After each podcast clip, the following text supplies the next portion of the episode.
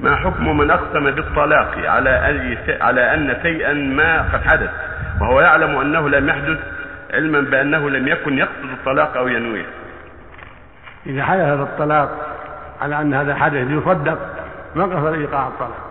ولن قصد يصدق فقد أخطأ أو كذب وعليه التوبة إلى الله وعليه كفاره يمين لأنه ما قصد إيقاع إنما قصد أن يصدق. أو قصد أن يفعل هذا الفعل. قال عليه الطلاق من امرأته عليه الطلاق أن تكلمي فلان أو فلان.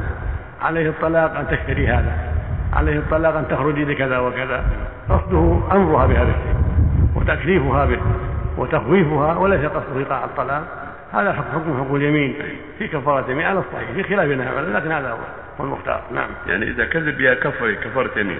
إذا كان كذبا فهذا قصده التصديق لا آه. ليس قصده إيقاع الطلاق. أيوه. نعم. هذا خصوصا من جريدة مع ولعلنا نتصل بهذا. لأن الأسئلة